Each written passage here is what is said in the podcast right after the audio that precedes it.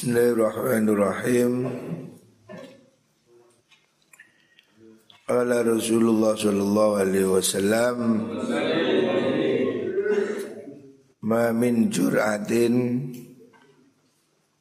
ahabba ilallah ta'ala min jur'ati ghaidhin yaqzimuha abdun ma kadzamaha abdun illa ma'alallahu ta'ala jawfahu imanan.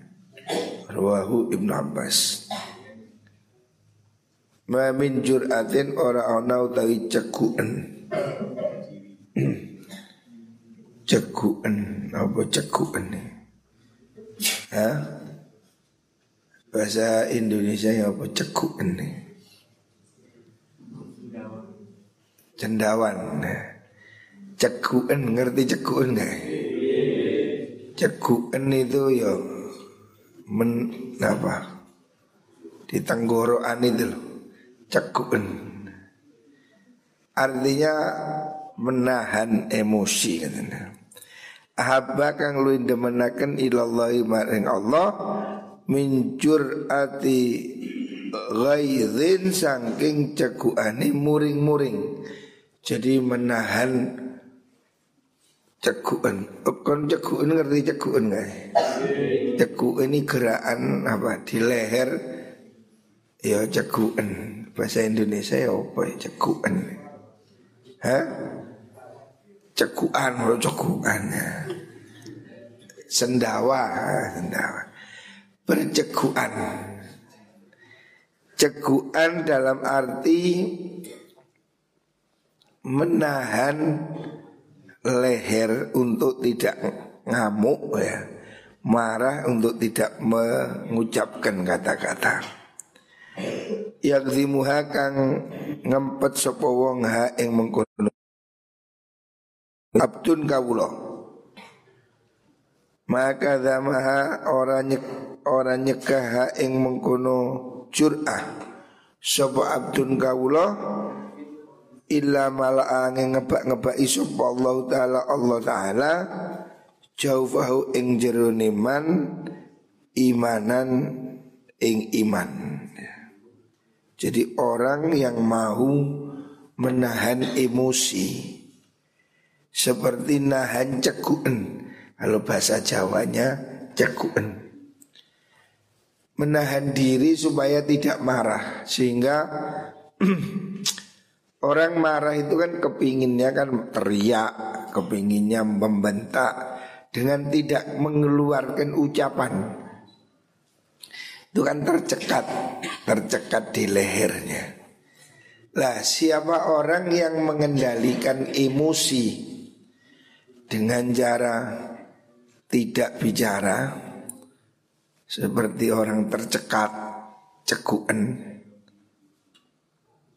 Siapa orang bisa menahan diri tidak ngamuk, tidak marah, Allah akan penuhi hatinya dengan iman.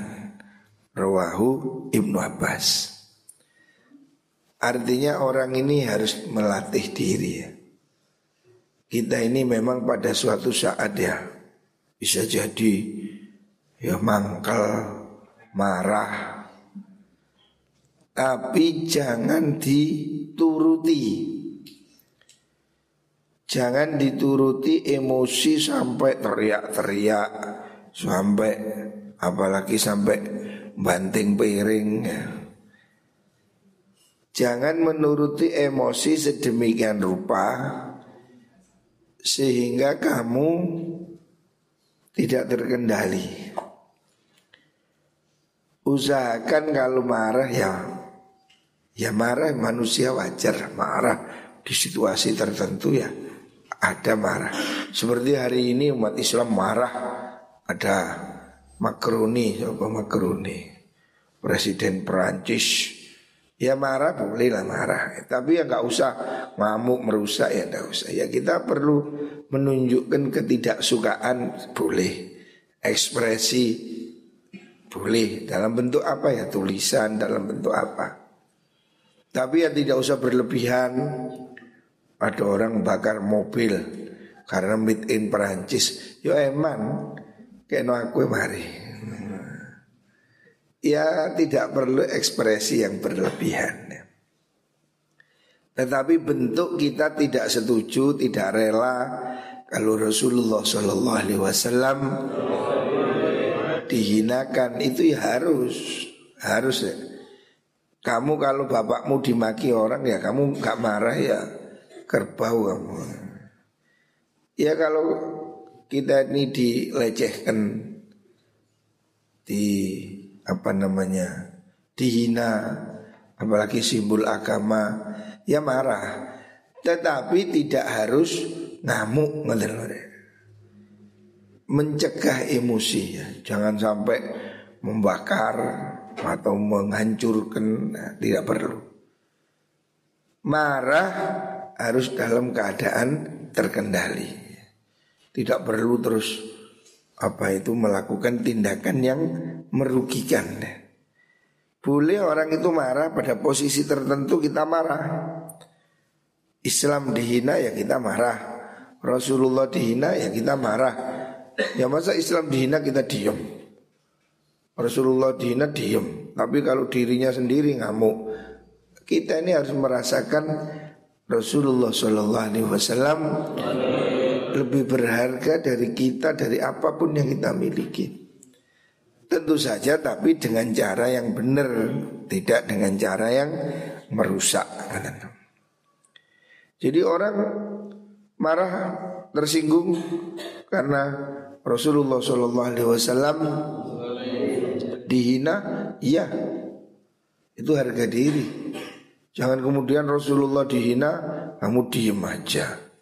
Tapi kalau ketua ormas dihina ngamuk.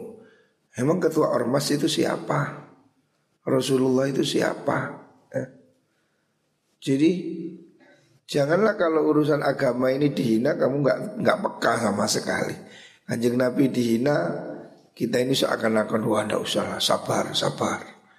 Tapi kalau ketua RT-nya dihina ngamuk. Nah, emang ketua RT-mu itu siapa? Kanjeng Nabi itu siapa? Kita aja tidak rela lah mau presiden kita dihina. Wah kita bangsa Indonesia juga. Saya pun juga tidak setuju, marah. Apalagi Rasulullah Shallallahu Alaihi Wasallam. Kita tentu saja tidak rela. Ya. Janganlah kita ini kemudian terbalik. Kalau kepada non Muslim kalem santuy, tapi kalau sesama muslim hanya beda ormas, galak setengah mati. Itu bukan ciri umat Muhammad sallallahu alaihi wasallam. Umat Nabi itu walladzina ma'hu asyidda'u 'alal kufar, ruhama'u bainahum. Jangan kita ini sama iman, sama akidah, sama kiblat, sama Al-Qur'an. Hanya beda ormas, beda parpol, penggerengan. Tapi pada orang yang jelas-jelas non muslim Jelas-jelas memusuhi Islam Malah ramah Ini tidak bisa, harus adil Orang harus adil ya. Siapa pun yang bersalah Ya harus dikecam, harus dihukum ya Jangan kalau kita ini berat sebelah Ini tidak adil Apalagi kepada orang-orang yang seiman Tahun 2003 eh, saya mengikuti pendidikan di Inggris. Ada satu diskusi dengan profesor ahli Timur Tengah di Universitas Leicester. Mereka mencerca Islam radikal, jihad, wah, contohnya bom Bali waktu itu. Bom Bali ini itu radikal isu-isu ya oke. Okay. saya tanya, Prof, ini orang Inggris, namanya Profesor Richard Boni. Dia oh, ini gerakan bom bunuh diri di Palestina, gerakan ya bom bunuh diri di Bali dan seterusnya. Ini yang media Barat menyoroti itu kasus-kasus bom bunuh diri. Ya, saya mengatakan ya kita tidak setuju. Alhamdulillah. kita tidak setuju kepada kekerasan ya Pembunuhan orang tidak bersalah Kita tidak setuju Termasuk yang dilakukan oleh Amerika Di mana? Di Irak Di mana? Di, ya, di Timur Tengah Libya. Di mana? Afghanistan. Mereka telah menghancurkan berapa negara Dengan korban yang jutaan manusia mati sia-sia. Bagaimana hancurnya Irak? Bagaimana hancurnya Libya? Negara-negara makmur Dihancurkan. Hanya oleh hoax Irak katanya punya senjata kimia. Sampai hari ini mana senjata kimianya. Enggak ada. Apakah Amerika minta maaf? Enggak Apakah dunia mengutuk Amerika teroris? Enggak Ini tidak adil. Kenapa kalau Amerika menghancurkan Irak Orang tidak bilang teroris? Tapi kalau ada atau satu gerakan ini buat teroris dihancurkanlah sebuah negara atas nama itu teror. Nah, kita juga tidak setuju ini bom apa dulu WTC ya itu tidak boleh. Tapi menghancurkan sebuah negara apalagi jahat betul itu.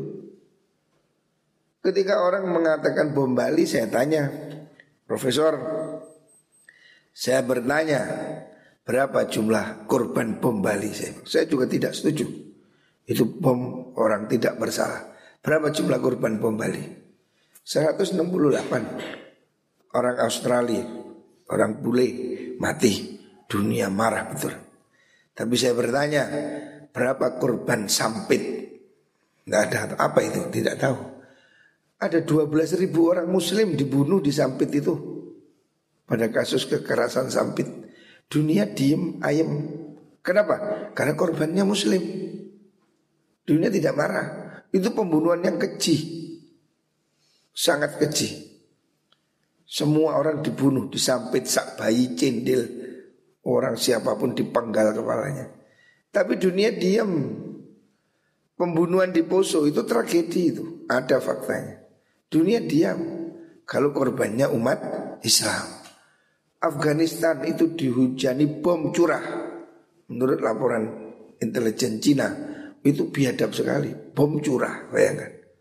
Karena orang-orang Taliban itu bersembunyi di gunung-gunung, sulit dijangkau oleh pasukan, mereka jatuhkan aja bom secara merata, semua makhluk mati sudah. Bomnya merata, curah. Apa dunia marah? Diem, tidak ada. Irak hancur lebur, apa dunia marah?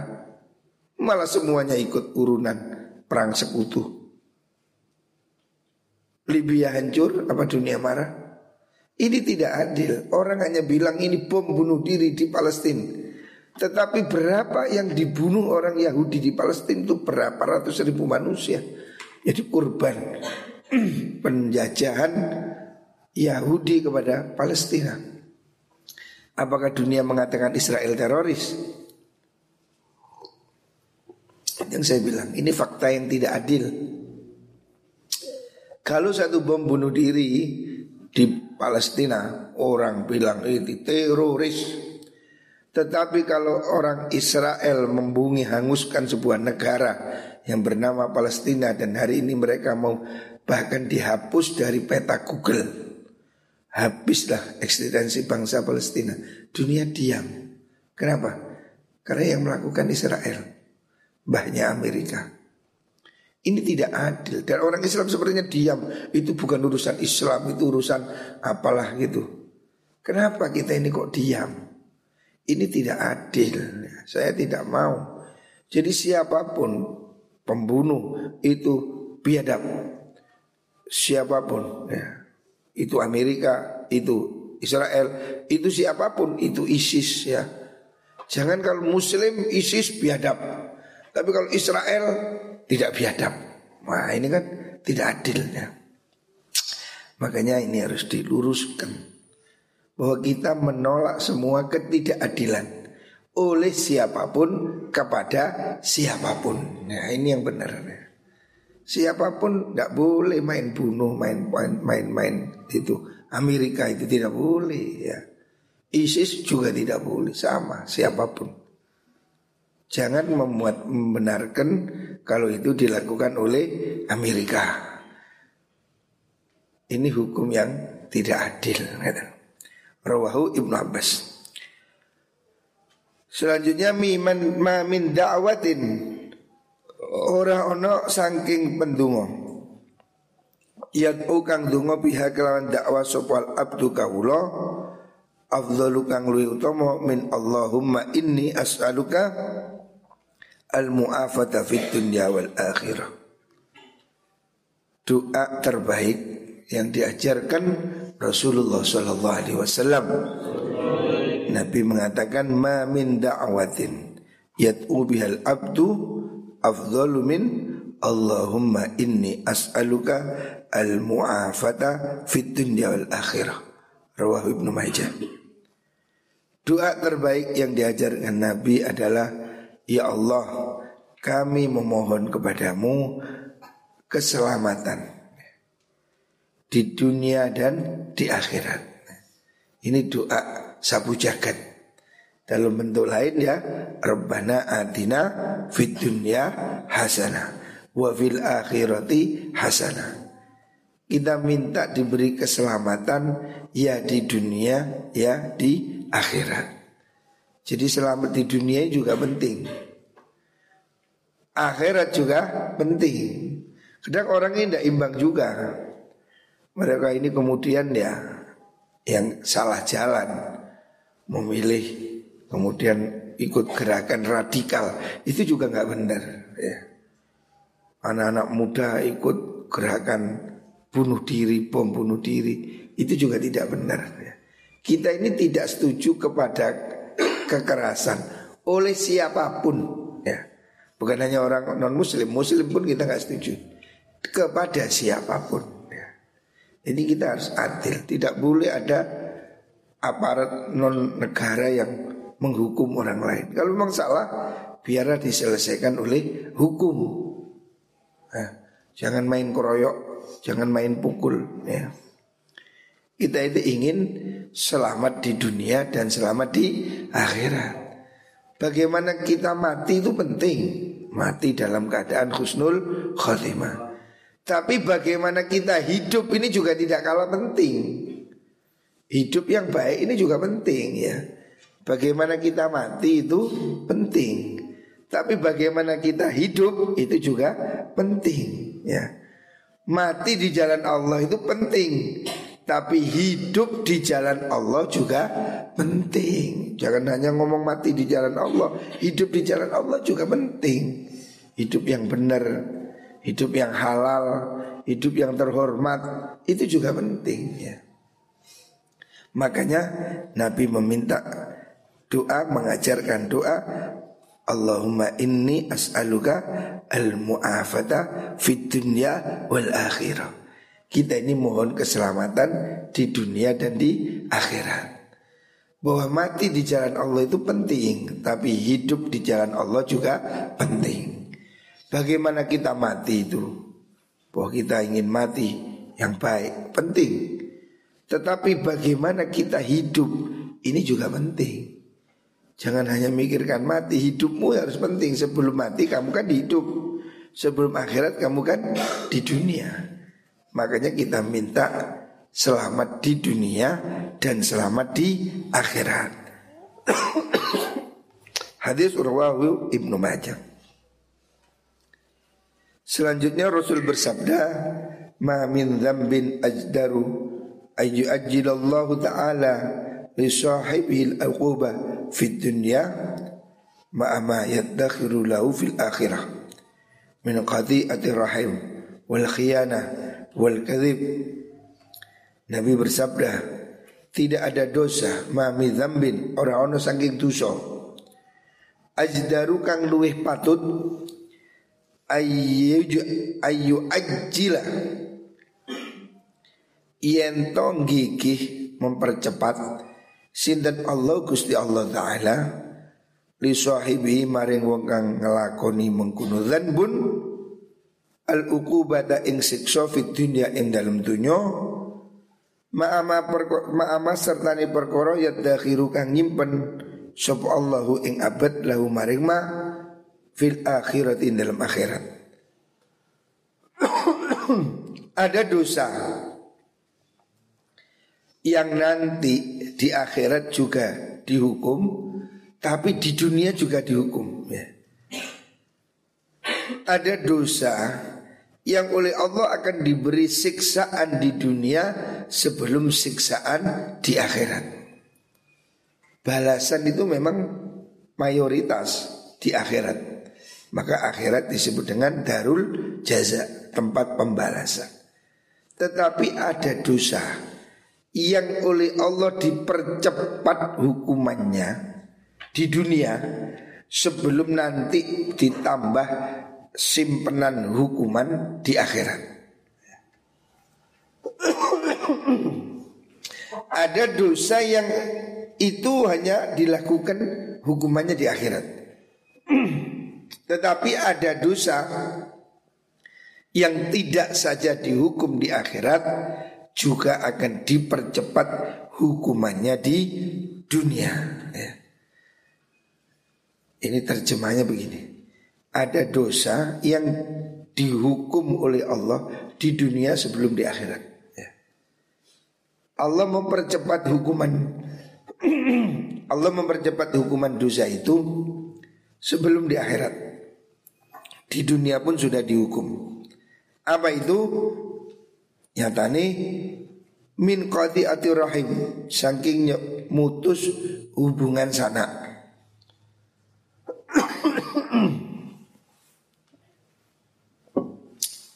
Pertama dosa yang akan dipercepat oleh Allah.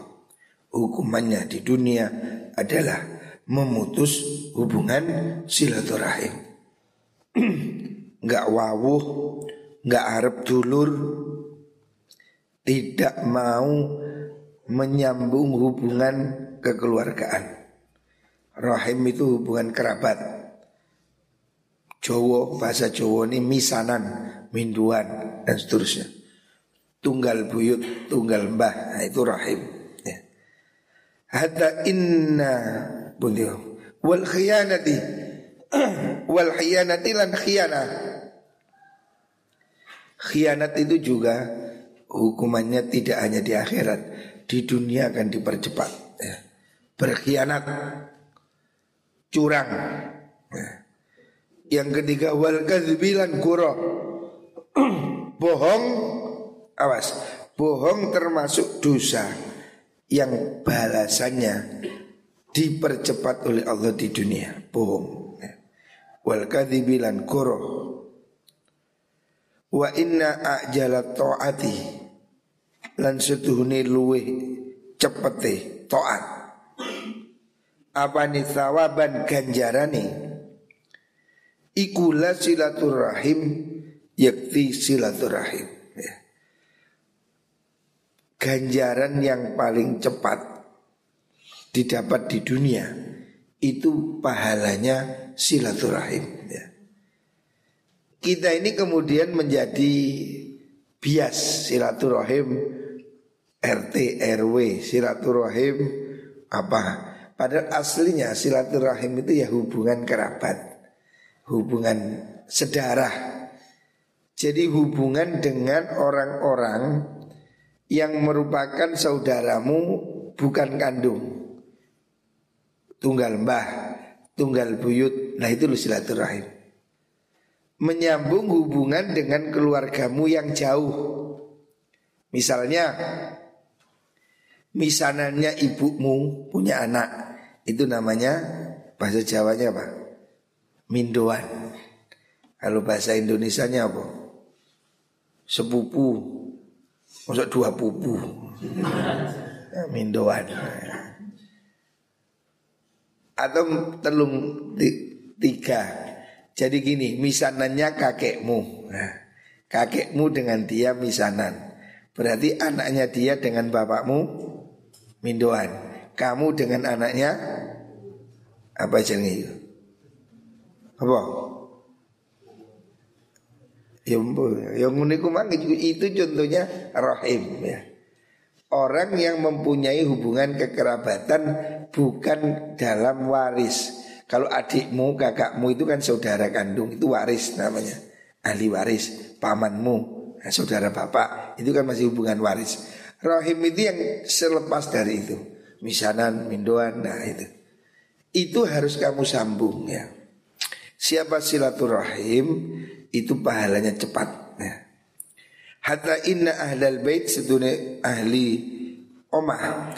Layakunu yakti ono sop ahlul bait iku fajaratun piro-piro wong kang lacut. Fa tanmu mongko dadi mundak-mundak opo anwalhum piro-piro dunyane ahlul bait. Maksudnya omah penduduk sebuah rumah bukan ahlul baitin nabi Wayak turulan dadi ake opo adadum jumlah wilangan imu kuno ahlul bait. Ida tawasolu nalikani podo nyambung Podo tepung Podo sambung-sambungan Sopo ahlul bait. Jadi kalau kamu mau membangun hubungan silaturahim Tidak harus hari raya. Bisa jadi seperti ini Ya untungnya kalau di Indonesia itu ada acara yang disebut dengan halal bihalal. Nah sebetulnya yang perlu halal bihalal itu keluarga. Bani fulan, bani fulan Supaya ketemu. Lah inilah silaturahimnya. Nyambung yang jauh supaya dekat. Kalau bisa didatangi ke rumah-rumah lebih bagus. Jadi kamu itu kalau pergi Jangan pergi ke rumah kawan.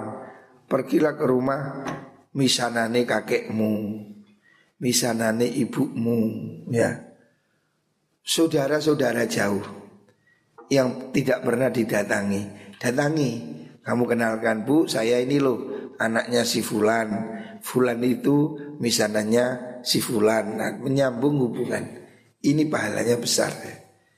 Coro Jowo ini cik gak kepaten obor supaya tidak kehilangan hubungan.